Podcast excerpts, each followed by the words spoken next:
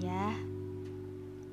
Kita tuh sering banget main bareng. Kita chatan nonstop setiap hari. Ada aja pembahasan. Entah dia nelpon gua atau dia ngingetin gua buat bangun. Dan hari semakin berlalu. Seminggu setelah masuk kuliah, rasanya bahagia banget.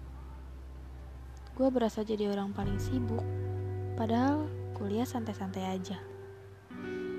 Gue sering banget main sama dia di situ. Selalu pulang malam, selalu dianterin pulang. Melebihi cowok gue perhatiannya, dan gue nyaman. Tapi setelah seminggu lalu,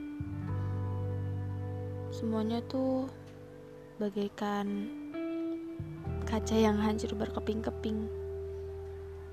Kayak langsung berubah aja semenjak dia nyatain perasaannya. Kalau boleh milih, mendingan gak usah nyatain. Kita bisa sama-sama terus kayak gini. Daripada seasing ini. Jujur, sedih banget. Tapi ya, mau gimana lagi? Sekarang gue jadi tahu perasaannya dia ke gue.